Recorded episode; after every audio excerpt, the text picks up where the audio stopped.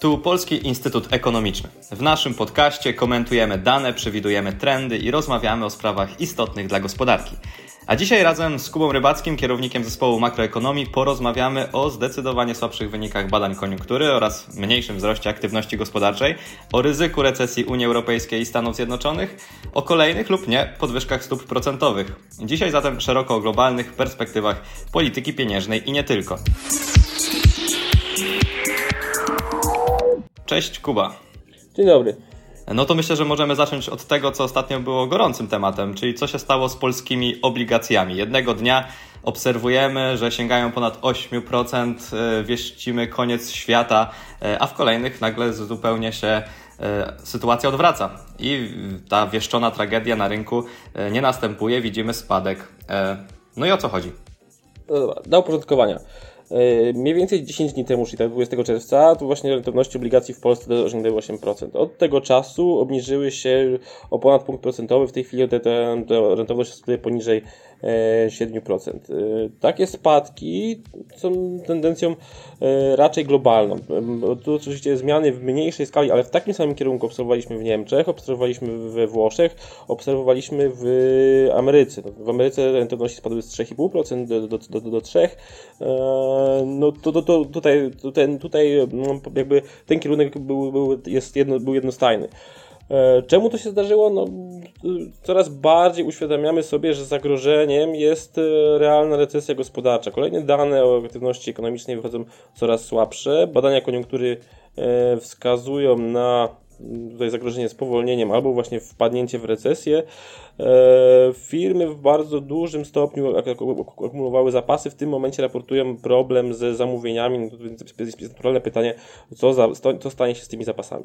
Okej, okay, ale zanim jeszcze przejdziemy do tematu recesji, bo na pewno go poruszymy, e, to jeszcze co w ogóle znaczy to, że tak wysokie oprocentowanie było obligacji? Dla kogo to jest dobre, a dla kogo lepsze są spadki? Jeżeli patrzymy na to, z czego składa się taka rentowność obligacji, tutaj są obrazowane, to ona obrazuje to, jakie są oczekiwania odnośnie stóp procentowych e, teraz oraz w e, przyszłości, to w przypadku tych 10-letnich obligacji to, to, to, to długi okres jakie jest ryzyko związane z pożyczaniem pieniędzy e, danemu państwu. To ryzyko raczej zmienia się rzadko, raczej, raczej to są sytuacje ekstremalne, na przykład tak jak, jak, jak ostatni wybuch wojny. E, no, to, co spadło teraz, to są właśnie oczekiwania na kolejne podwyżki ze strony e, banków centralnych. Czy, czy, czy takie stwierdzenie, które jest popularne w mediach, że obniżka cieszy ministra finansów i kredytobiorców, e, a nie cieszy inwestorów, jest słuszne, czy to jest takie zbyt duże uproszczenie? Myślę, że to jest dobre uproszczenie. Na pewno z wysokich stóp procentowych e, pewnie cieszą, cieszą się osoby, które posiadają e, oszczędności, depozyty. No, to jest zdecydowanie gorsza sytuacja dla kredytobiorców. Także no, z perspektywy Ministerstwa Finansów e, tutaj te koszty obsługi długu są zdecydowanie niższe w momencie, kiedy te rentowności są słabsze.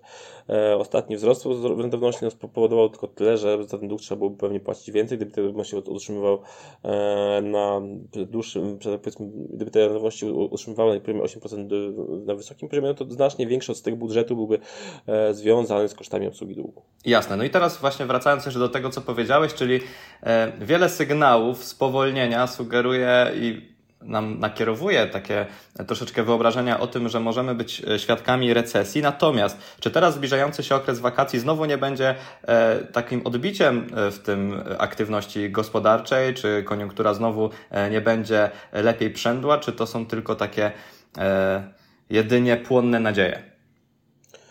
Oczywiście ciężko powiedzieć, natomiast no, tak, jeżeli byśmy budowali prognozy, to raczej te perspektywy są mało optymistyczne. Z jednej strony e, w budżety domowe, gospodarstw domowych uderzy inflacja, no, tutaj wynagrodzenia rosną w tym podobnie w, Polsce w tym momencie w podobnym tempie do inflacji. Niedługo prawdopodobnie ono może być słabsze. Takie same trendy widzimy w państwach Unii Europejskiej. Tutaj też ta realna siła nabywcza, te, te, nasze, nasze pensji zaczyna się kurczyć, no, to sprawia, że musimy się zastanawiać, e, czy e, jakby to, to, to, czy chcemy, czy mamy realnie środki na to, żeby, żeby na przykład kupować sobie kolejne sprzęty elektroniczne, czy, czy, czy takie dobre, bardziej trwałe, no, które służą rekreacji. No, tutaj może dojść do, tutaj jakby te, te, te możliwości budżetowe są, są, będą słabsze, to, to, to, to będzie powodowało spadek popytu. W, Polsce i w tej naszej części regionu to także te wysokie podwyżki stóp wpływają na wysokość rat kredytowych, z tym, w tym na e, to, jaki odsetek, odsetek wynagrodzenia jest, powiedzmy wydawany na e, regulowanie swoich bieżących zobowiązań. E, no jeżeli ten odsetek wzrósł znacząco, no to po prostu zabraknie środków na pozostałe wydatki. E, więc e, prawdopodobnie tutaj większość gospodarstw w Polsce będzie raczej mm, obserwowała spadek konsumpcji, e, chociaż w danych tych makroekonomicznych u nas konsumpcja pewnie będzie dalej rosnąć z uwagi właśnie na to, że jednak pojawiło się dużo, dużo, dużo uchodźców z Ukrainy. Okej, okay. czyli można to bardzo, bardzo uprościć w kontekście tym, że troszeczkę mniej będziemy korzystali z tych nadchodzących wakacji i nadchodzących upałów. E, natomiast, bo poruszyłeś właśnie dwie kwestie, recesja i jeszcze e, reakcje w postaci, e, w postaci właśnie polityki pieniężnej. Ale może zaczniemy od tej recesji. Czy ona w ogóle nas doścignie? Czy to, co przed chwilą mówiliśmy, czyli że są sygnały do tego, że no, sytuacja się pogarsza, to czy Twoim okiem makroekonomicznym ta sytuacja nastąpi i obawy zarówno Unii Europejskiej, jak i Stanów Zjednoczonych są na tyle mocne, że możemy spodziewać się e, tego, że to nastąpi i jakie mogą być efekty tej recesji dla nas jako zwyczajnych obywateli. Tutaj ryzyko spadku, głębokiego spadku aktywności gospodarczej w USA czy w strefie euro no jest, jest duże.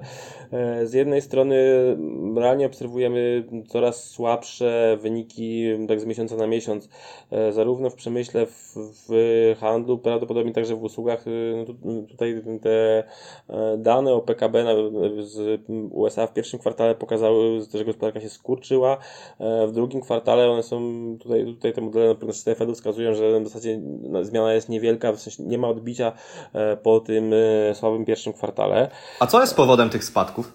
Jeżeli popatrzymy na ostatnią, na ostatnie e, dwa kwartały, to, to, to, to tam z, zarówno w Europie, zarówno w USA, zarówno w Polsce e, duży wkład do wzrostu PKB wnosiły e, zapasy przedsiębiorstw. Tutaj firmy budowały sobie e, jakby firmy magazynowały surowce, firmy magazynowały e, produkty gotowe. No, wcześniej był taki problem, że ten popyt był duży, e, pojawiały się niedobory, więc, e, więc, więc tutaj, tutaj były działania, które przygotowywały na to, żeby ta aktywność była ciągła, żeby być gotowym ten duży popyt odbierać. W międzyczasie E, jednak no pewnie ten popyt gospodarstw domowych trochę osłabł, więc e, w tym momencie e, ten, z jednej strony ten trend powiększania zapasów się, się także się jakby kończy, no, samodzielnie z uwagi na to, że, te, że, te, że ten E, łączny zasób jest po prostu ich już duży, a pneumatyk no, zaczynają one ubywać w wolniejszym tempie, bo gospodarstwa domowe po prostu konsumują coraz mniej, także po prostu, e, także jakby w portfele mocno uderzyła, uderzył wybuch wojny, no to sprawia, że, że dużo cen surowców poszło E, w górę w tym momencie mm, jakby to, to się powoli, to tutaj wraz ze spadkiem popytu to, to, to pewnie te, te, te, te, zmiany na rynkach czyli, czyli, sytuacja kon, ale... czyli ta sytuacja konfliktu i wzrosty cen zarówno energii, to co nas najbardziej dotyka po portfelach, czyli właśnie paliwo, e, opłaty za prąd, e, to, że nasze raty kredytu wzrosły, uniemożliwiają nam konsumpcję, a rynek był przygotowany na to, żeby ten popyt zaspokoić i w tym momencie nie mają za bardzo co zrobić ze swoimi zapasami, tak? To jest duży problem, no i w zasadzie ciężko powiedzieć, jak ta sytuacja się rozstrzygnie. Um, pewnie, jeżeli się okaże, że, te, że, że, firmy będą na długo zostawały z zapasami, no to, no to um, będzie trzeba pomyśleć, jak, jak, jak, jak z tej sytuacji wyjść. No tutaj prawdopodobnie um, będzie to oznaczało z jednej strony to, że ta inflacja będzie, przestanie rosnąć w takim tempie, no bo po prostu nie, nie będzie możliwości podwyższenia cen, skoro, e, skoro nie ma skoro przy obecnych nie ma popytu na, na, na, na, na towary, a z drugiej strony hmm, no, w, zaczną się dyskusja o tym, jaki jest koszt, czy, czy, czy, czy koszt, czy da się ponosić koszt magazynowania. No tu pewnie będzie po prostu tak, że konsekwencją tego będzie, będzie jednak po prostu to, że, że wraz z spadkiem popytu to, to, to, to, ta inflacja wyhamuje, te, zwłaszcza wśród dowódców trwałych. W niektórych przypadkach pewnie mogą, mogą się pojawić nawet obniżki cen. Okej, okay, czyli, czyli koń, kończąc dygresję, e, wracając, te sygnały o spowolnieniu raczej są klarowne i to ryzyko jest bardziej niż mniej prawdopodobne recesji jakby nie do uniknięcia jest techniczna recesja, czyli takie dwa kwartały, gdzie ta gospodarka się będzie kurczyła. Polsce pewnie nie, pewnie nie, nie, nie, ten wzrost gospodarczy spadnie z 8 do około 2,5%. W 2023 roku będzie znowu odbicie, które jednak będzie bardziej związane z, po prostu z Krajowym Planem Odbudowy, większą aktywnością inwestycyjną. E, no ale to będzie dalej o wiele mniejsze tempo wzrostu niż te, które obserwowaliśmy jeszcze w roku, roku ubiegłym, czy e, przed pandemią COVID-19. A jak to odczuje e, przeciętny obywatel, oprócz tego, że mówiłeś, że inflacja będzie niższa? E, znaczy, no inflacja przez najbliższe miesiące dalej będzie wysoka, bo tutaj, tutaj odgrywają ją, e, to, to, to, to, co, to co będzie ją kształtuje, to są ceny żywności, to są ceny energii, które globalnie rosną. Natomiast pewnie wraz, wraz z upływem czasu to coraz mniejszą rolę odgrywać będzie wzrost cen takich towarów przemysłowych, towarów przetworzonych. E, więc e, tutaj ta inflacja e, spadnie dopiero gdzieś w 2023 roku, mocniej w 2024. No, natomiast no, jakby przez ten czas jednocześnie trzeba spodziewać się tego, że te nasze wynagrodzenia będą, będą, rosły, będą rosły w też w wolniejszym tempie i raczej to nasza moc taka nabywcza tych wynagrodzeń będzie po prostu nie, nie, nie, nie będzie przyrastać. No, e, te, te wzrosty będą, będą e, pokrywać zmiany inflacji, ale, ale niewiele więcej, więc tutaj e, prawdopodobnie jakby zamożność przez, przez najbliższe lata się nie poprawi znacząco, a w Unii Europejskiej w strefie euro może się nawet kurczyć. Jasne, czyli większa część naszych wydatków będzie skupiona na wydatkach koniecznych dotyczących naszych rachunków między innymi, a będziemy po prostu mieli mniejsze możliwości zakupu jakichś dóbr dodatkowych. E, no, e, będzie przynajmniej lepiej niż w pozostałej części Europy i właśnie teraz w kontekście takim globalnym. E, skoro to recesja może nas sięgnąć, to jak sobie staramy radzić? Jak wygląda jakby sytuacja, jak próbujemy uniknąć tej recesji i co robią banki centralne nie tylko? Mm, w tym momencie jakby temat e, recesji jeszcze jest bardzo mało podnoszony, akcentowany w bankach centralnych. E, w, zarówno w Ameryce, w, w, wśród rezerwy federalnej, jak, jak i w EBC, e, w strefie euro dominują komunikaty o tym, że bank dalej planuje podwyższać stopy procentowe, walczyć z inflacją, nawet za, za cenę recesji. No ale prawdopodobnie ta determinacja szybko okaże się krucha. Jeśli się okaże, że parę kolejnych danych będzie um, wychodziło no, znacznie słabsze do oczekiwań, E, to prawdopodobnie te plany podwyższania stóp no, szybko, szybko wygasną. E, my się spodziewamy, że tutaj wciąż te podwyżki będą, będą się w na lipcowych posiedzeniach wrześniowych, no potem może już być, te, potem e, jeżeli się okaże, że gospodarki są, są rosną znacznie słabiej niż, niż wskazywały prognozy, a w przypadku przykład USA te, te, te rozbieżności są duże, członkowie władz banku centralnego wskazują, że ten wzrost będzie około 3%. My już mamy w pierwszej połowie roku no raczej to, to mamy spadek, który będzie pewnie, pewnie sięgnie około jakiegoś tam pół procenta PKB. No, to, to coś nie jest do nadrobienia w drugiej połowie roku, zwłaszcza, że ten, ten, ten, te trendy są, są słabsze. No, tu, tu pewnie dojdzie do jakichś takich rewizji zamiarów, ale na razie mm, jakby nie ma na, na bieżąco działań, które, które, które e, były proponowane. W Europie E, uwaga skupiła się na trochę czymś innym, mianowicie na to, że rosną, e, bardzo urosły rentowności obligacji włoskich względem niemieckich.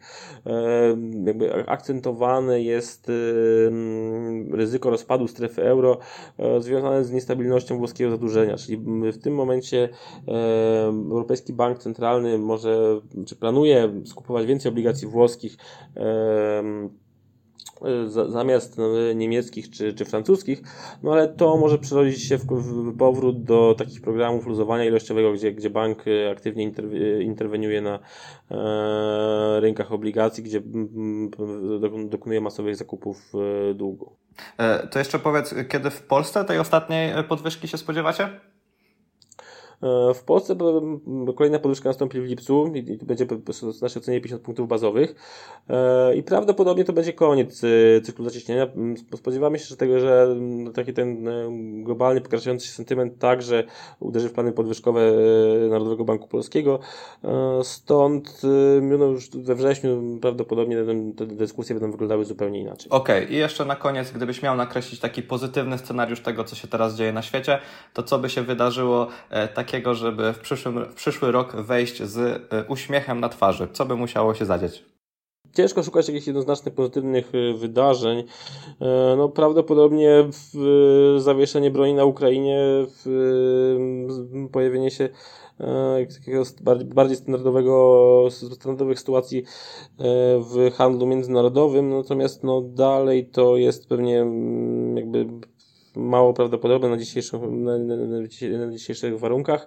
Pewnie też trzeba patrzeć na Chiny. W tym momencie Chiny bardzo mocno spowalniały światową gospodarkę poprzez różnego rodzaju restrykcje e, aktywności gospodarczej. No, tutaj pewnie e, pozostaje pytanie, jak e, będzie wyglądało aktywność w kolejnych kwartałach. Tutaj pewnie ryzyko jest z dwie strony, możliwe są też pozytywne, możliwe są też pozytywne zaskoczenia. Super, bardzo dziękuję Ci Kuba za tę rozmowę, za nakreślenie obecnej sytuacji i dużo wątków e, o polityce pieniężnej nie tylko. E, dziękuję bardzo, rozmawiał ze mną Kuba Rybacki, kierownik zespołu makroekonomii w Polskim Instytucie Ekonomicznym. Dzięki. Dzięki wielkie. I zapraszamy do słuchania kolejnych części naszego podcastu.